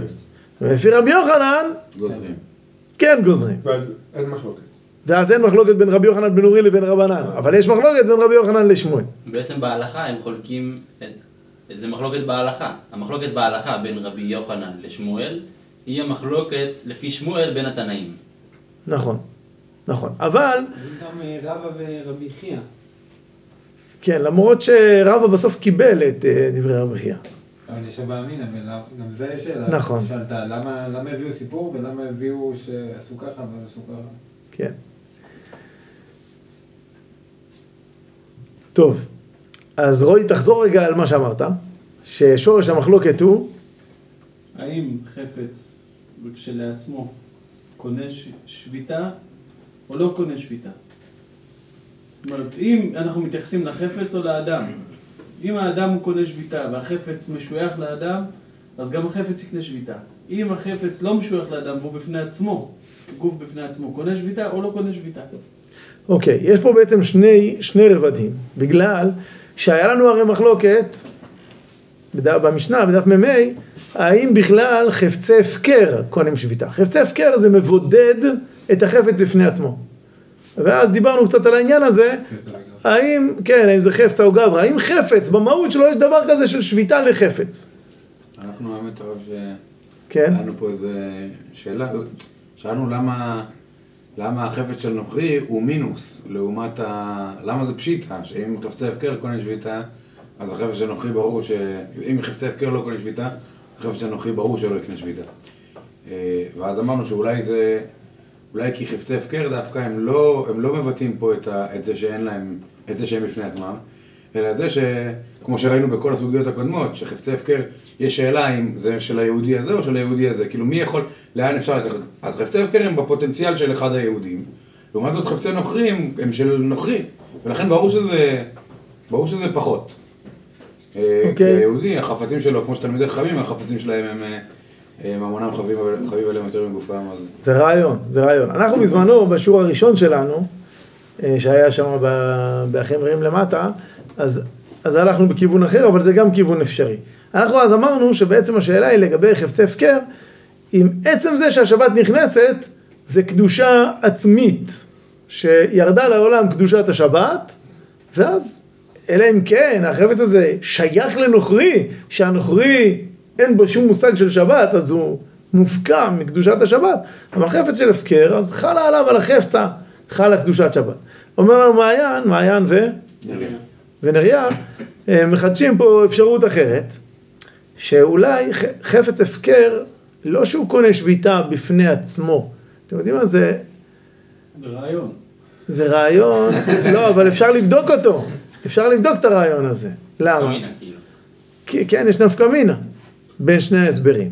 כי אם, מה שאתם בעצם אתם אומרים, שהחפץ לא קונה שביתה בפני עצמו, אלא הוא קונה על בסיס זה שאיזשהו יהודי יבוא ויזכה בו. מה יקרה אבל אם נכון. נוכרי יבוא ויזכה בו? רגע, שנייה. אז, אז הוא לא, יז- לא יקנה שביתה. כי הגוי לא קונה. אבל איך הוא רגע, יכול לקנות שביתה? אבל שנייה, שנייה, יש באמת, בדיעבד עובד. יש באמת דיון, בדיעבד. רק אחרי שמישהו קנה אותו, אז אתה יודע יתממש אם הוא- הפוטנציאל. כן. יש באמת דיון הלכתי לגבי חפצי הפקר, שעסקנו בהם בסוגיה הראשונה, יש דיון הלכתי, מה זה אומר שהם קונים שביתה לפי רבי יוחנן בן אורי? האם זה אומר שבמקום שבו הם נמצאים, משם יש אלפיים אמה לכל רוח, או מהמקום שלו. או מרגלי הזוכה בהם. זה... זה כרגלי הממלא, כאילו. זה מה לא- שדיברנו עליו, זה נכון? לא כן, שביתה. זה אין שביתה. אז זה אומר שאין שביתה. זה שוב זה. מחזיר אותך, זה האם החפץ שובת? זהו, או אם- החפץ שמשתייך אז זה אומר? אז זה אומר שאם יש שביתה, אז זה אומר שזה לא בגלל שזה בגלל מתגלה למפריע על ידי ישראל כלשהו, כי אז זה כרגלי הממלא. כרגליו, כן. ואז זה נחשב שאין, שהם לא קונים שביתה. אלא רק שזכו בהם, אז הם כרגלי הזוכה בהם. כן. אוקיי, אז אני חושב שמה שעברנו עכשיו בחמש דקות האחרונות זה דבר יפה לראות איך אה, העלינו פה איזו הצעה ומצאנו את הדרך של הנפקמינה לבחון אותה. ו- ונזכרנו בסוגיה לפני דף וחצי ו- ועלינו על, על הנקודה. אז זה, זה כדרך ב- בלימוד. על כל פנים, אז זה, זה בהקשר, עצם השאלה לגבי החפץ, האם הוא, יש פה משהו בחפצה, משהו מהותי, אה, או משהו באדם, זה לגבי עצם החפצי הפקר. אבל כאשר אנחנו מדברים על חפצי נוכרי, האם חפץ של נוכרי אני מתייחס אליו כאל חפץ בפני עצמו, או שאני ישר משייך אותו לנוכרי, ואז בעצם אין בו, שביתה. אין בו שביתה. כי הנוכרי מפקיע ממנו את השביתה. אני רוצה רגע להתייחס לשאלה השנייה, בעצם המחלוקת בין שמואל לבין רבי יוחנן, האמורה, האם גוזרים גזירה או לא גוזרים גזירה.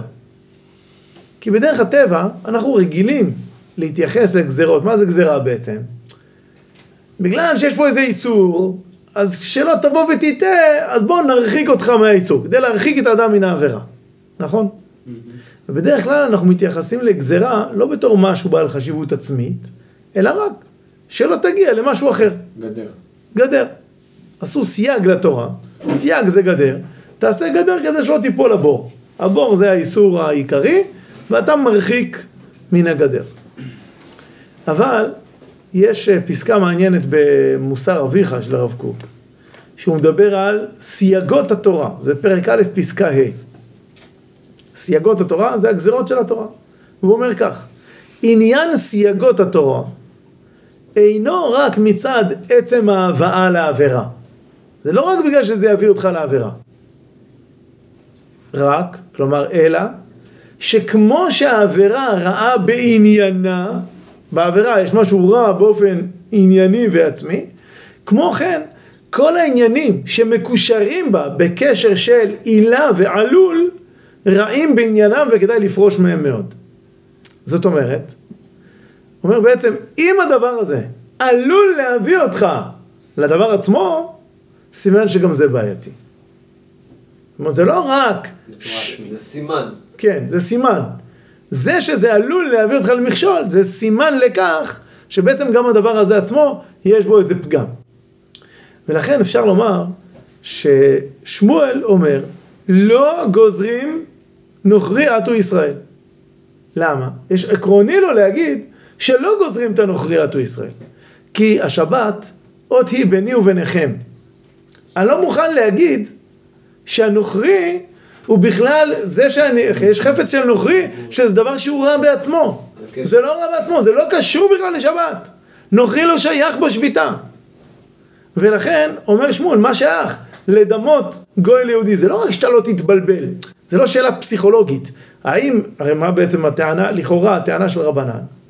אם אנחנו נתיר, נגיד, שחפצי נוכרי לא קונים שביתה, אז יתבלבלו עם חפצי יהודי. אז בואו נגיד שגם... קונים שביתה אולי. לא, אם נגיד שלא קונים, אז יהיה... אז יהיה אפשר. בעצם אי אפשר. לפי המסקנה של רבי יוחנן, רבי יוחנן אומר שגם רבנן מודים שחפצי נוכרי קונים שביתה. כן. למה? גזירה נוכרי עטו ישראל. מה הכוונה גזירה נוכרי עטו ישראל?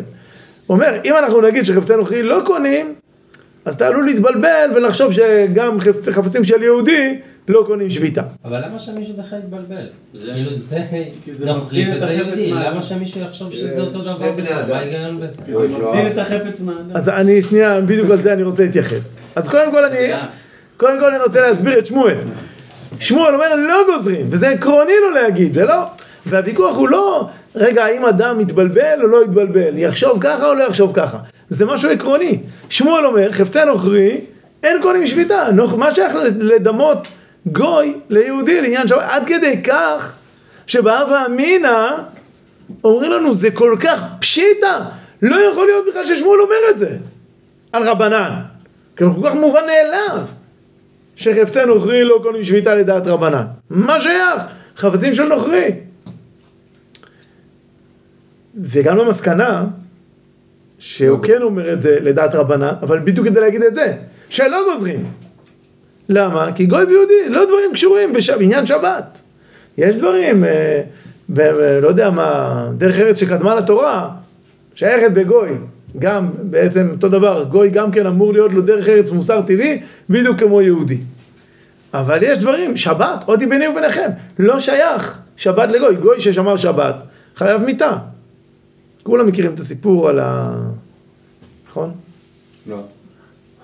אני אספר, אתם מכירים, אבל אני אספר בכל זאת.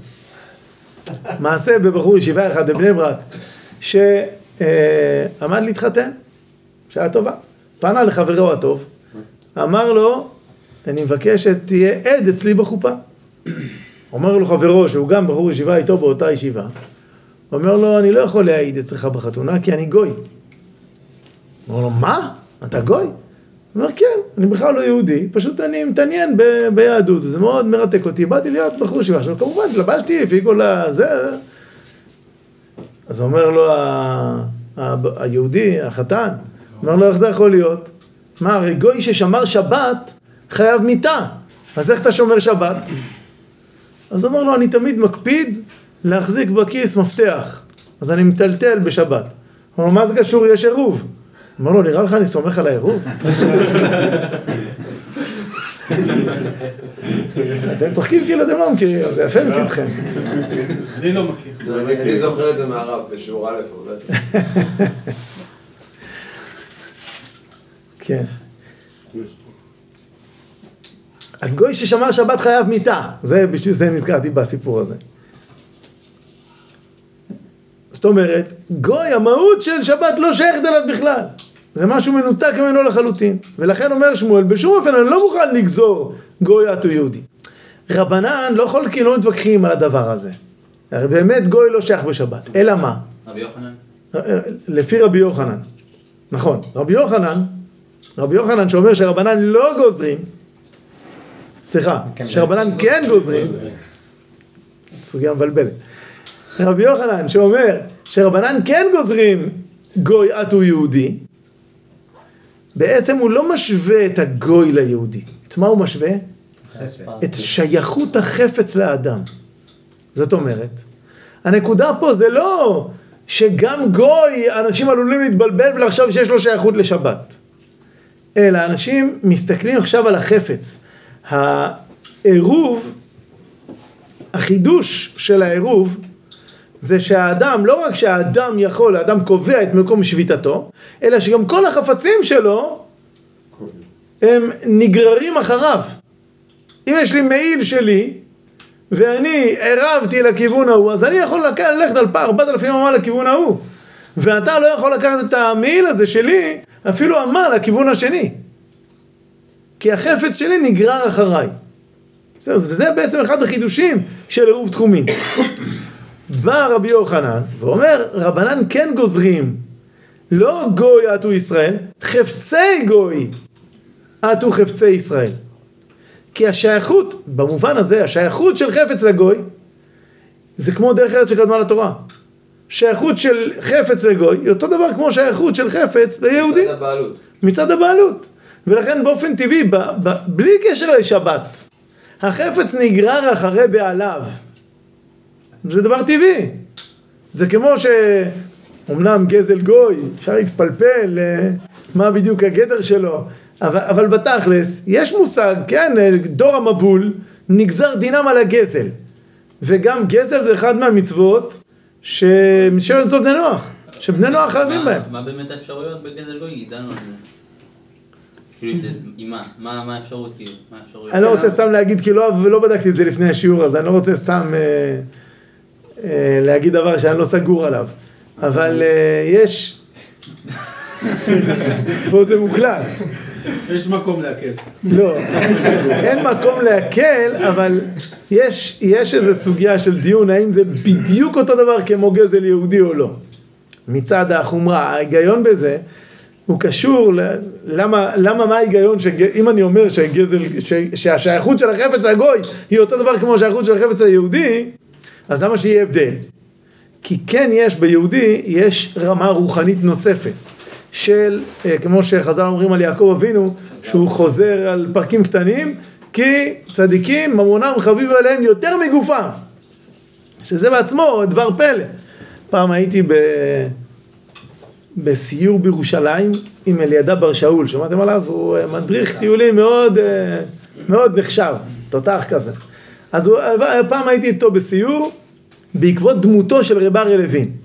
בירושלים, הצדיק הירושלמי, רב אריה לוין, אז הוא עשה סיור ככה, עם מלא מלא סיפורים על האישיות של רב אריה לוין. אז הוא סיפר שפעם אחת אה, כשמינו את רב אריה לוין להיות רב האסירים, אז הוא אמר, יש לי שני תנאים. תנאי אחד קשור לשעות העבודה, ותנאי שני קשור לכסף. עכשיו הוא... מפתיע. מפתיע, נכון? הסוף של הסיפור זה שהתנאי הוא שהוא לא מוכן לקבל אגורה. זה הכוונה, שהתנאי שקשור לכסף. לא מוכן לקבל אגורה. זה משהו שעושה נטו בשביל המצווה, לא מוכן לזהם את זה בכסף. אבל, אה, ושעות העבודה גם, כאילו שאני דורש שתיתנו לי להיכנס בכל שעה שאני רוצה. בדיוק הפוך. כן. אז, אה, אבל סיפר ילדה בר שאול, שפעם הוא היה עם איזה קבוצה, ו- ועצר בשלב של הפואנטה של כאילו התדהמה, שעות עבודה וכסף, ובדיוק אמר איזה מישהו שלא חשוד על אהבת תלמידי חכמים, ושמע בדיוק את הקטע הזה, אמר, כן, כל הרבנים האלה, כל מה שחשוב להם זה הכסף. אז, אז מה זה הדבר הזה, האמירה הזאת של חז"ל, שאומרים שצדיקים, ממונם חביב עליהם יותר מגופם.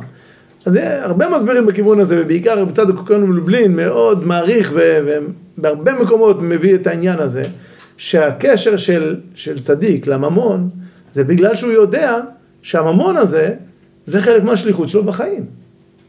זה משהו שהוא, הקדוש ברוך הוא נתן לי את הממון הזה בשביל משהו. בשביל להקים משפחה לתפארת, בשביל לעשות אידיאלים אחרים, בשביל לתרום כיבוד לשיעור בערב, לא משנה. כל דבר שאתה, הצדיק, לא מבזבז סתם כסף. גם שזה, גם שהוא משקיע כסף בכיף, זה לא כי יש לו יצר עכשיו להתפנק, אלא בגלל, הוא יכול, יכול גם להתפנק, אבל בגלל שהוא רואה עכשיו חשיבות להתפנק. זה, וזה דבר לגיטימי, זה יכול לקרות הרבה פעמים. או כי הנפש שלי זקוקה כרגע לאיזה מנוחת הנפש, כדי שיהיה לי אחר כך קרות לדברים אחרים, אז, אז מותר לי לפנק את עצמי. או, או כי אני רוצה להתפנק עם המשפחה, כי זה חשוב לזוגיות, זה חשוב להורות, זה חשוב ל... להתפנק זה גם ערך. עכשיו קיבלתם חיזוק להתפנק. אז אם כן... זה אמור לך. ה- הצדיק, ככל שאדם יותר צדיק, אז כל שקל שהוא מוציא, הוא מוציא מתוך חשיבה ומתוך מחשב, מתוך uh, מודעות ומתוך כוונה, שזה השליחות של, שלי בעולם. אז ממילא הוא אוהב את, uh, כן, ממונו חביב עליו, במובן שהוא רואה אותו כחלק מהותי מתפקידו. דרך אגב, באותו אופן מסביר רב צדוק את שונא מתנות יחיה, שזה הפוך לכאורה. מה, אז לכאורה הצדיק רוצה לקבל כמה שיותר מתנות, כדי שיהיה לו כמה שיותר כסף ורכוש כדי לעשות בו... לא. אם זה מתנה, זה לא היה. זה לא היה אמור להיות שלי. זה לא משהו שעבדתי והרווחתי, וזה, זה משהו חיצוני לי. זה לא בטוח שזה טוב לי. הרבה אנשים שהרוויחו, זכו בלוטו, זה הרס להם את החיים. יש עושר שמור לבעליו לרעתו. כי לא תמיד משהו שלא ראוי לי, לא תמיד זה בריא לי, לא תמיד זה טוב לי, לא תמיד חלק, זה חלק מהשליחות שלי. אז כל דבר שעמלת והתייגעת בו וקנית אותו ב, בעבודתך, ודאי הוא שלך. דבר שקיבלת במתנה, זה כבר יותר מורכב. על כל פנים, אני חוזר לענייננו, אז לכן, זה הסיבה שיהודי, יש איזה סברה לומר שגזל יהודי יותר חמור מגזל הגוי, אבל אין ספק שגם גזל הגוי אסור. על כל פנים, אבל, אבל יחד עם זה, במהות של שייכות החפץ לבן אדם, שהחפץ נגרר אחרי האדם, זה דבר טבעי, דבר שנובע מעצם צורת השימוש של בעלות, שהקדוש ברוך הוא ברא את מושג הבעלות, וגזל, כמו שאמרנו, קיים גם אצל אה, בני נוח, זה אחת משבע מצוות בני נוח שהם אה, חייבים בהם. ואולי אפשר לומר, הראשונים, נסיים גם בעוד דבר קטן, שהראשונים דנים, למה בעצם כאן הלכה כרבי יוחנן? בעצם אנחנו רואים שהלכה כרבי יוחנן, כי גם רבא, שבהתחלה אמר לבני מחוזה, קחו את האלים למחוזה, אחר כך הוא חזר בו ואמר לא, רק בתוך מברכת אפשר להשתמש באלים, אבל uh, האלה זה אלים, אבל אתם לא יכולים לקחת, הוא השתכנע מהפסק הלכה שאמרו לו כרבי יוחנן. הראשונים דנים בעצם למה, הרי יוצא פה שרבי יוחנן מחמיר, והיה לנו כלל של הלכה כדברי המקל בעירובין, נכון? אז הראשונים דנים בזה, ובגדול אומרים פה, אה. שני כיוון, מה? מי הראשונים? למשל, הרשב"א, הריטב"א, הר"ן, המאירי. צריך לבוא עם, לרדת עם קובץ מפרש בפעם. אפשר לומר שזה רק למקרה הספציפי. אז זהו, אז הם אומרים, הם אומרים אה, שני כיוונים. תנאים, לא נאמרו. נכון, זה הרייבד אומר, זה משהו שהבאנו אותו לפני אה, שבועיים או שלושה, שהזכרנו את זה באחד השיעורים, כשאז דיברנו בדף אה, ו' עמוד א' נראה לי, על הלכה כדברי המקל בעירובין, אז הבאנו שהריטב"א מביא, הרשב"א מביא בשם הרייבד, שזה הלכה כדברי המקל בעירובין, זה רק במחלוקת התנאים ולא במחלוקת המוראים, ופה זה מחלוקת המוראים, אז אין הלכה כדברי המקל בעירוב. יש גישה אחרת שאומר הרשב"א והריטב"א, שיש כלל, ש... כלל הלכתי אחר, רבי יהושע בן לוי ורבי יוחנן, הלכה כרבי יוחנן. רגע, מה הקשר רבי יהושע בן לוי? הוא זה שאמר הלכה כדברי המקל בעירוב. וואו, זה מגיע עד לפה? אה, יפה. רגע, אבל איזה רבי יוחנן? לא, רבי יוחנן המורה, אבל מה שכן, גם הכלל הזה, שרבי יהושע בן לוי ורבי יוחנן, הלכה כרבי יוחנן, זה כלל ששנוי במחלוקת. אז זה קצת יותר מורכב.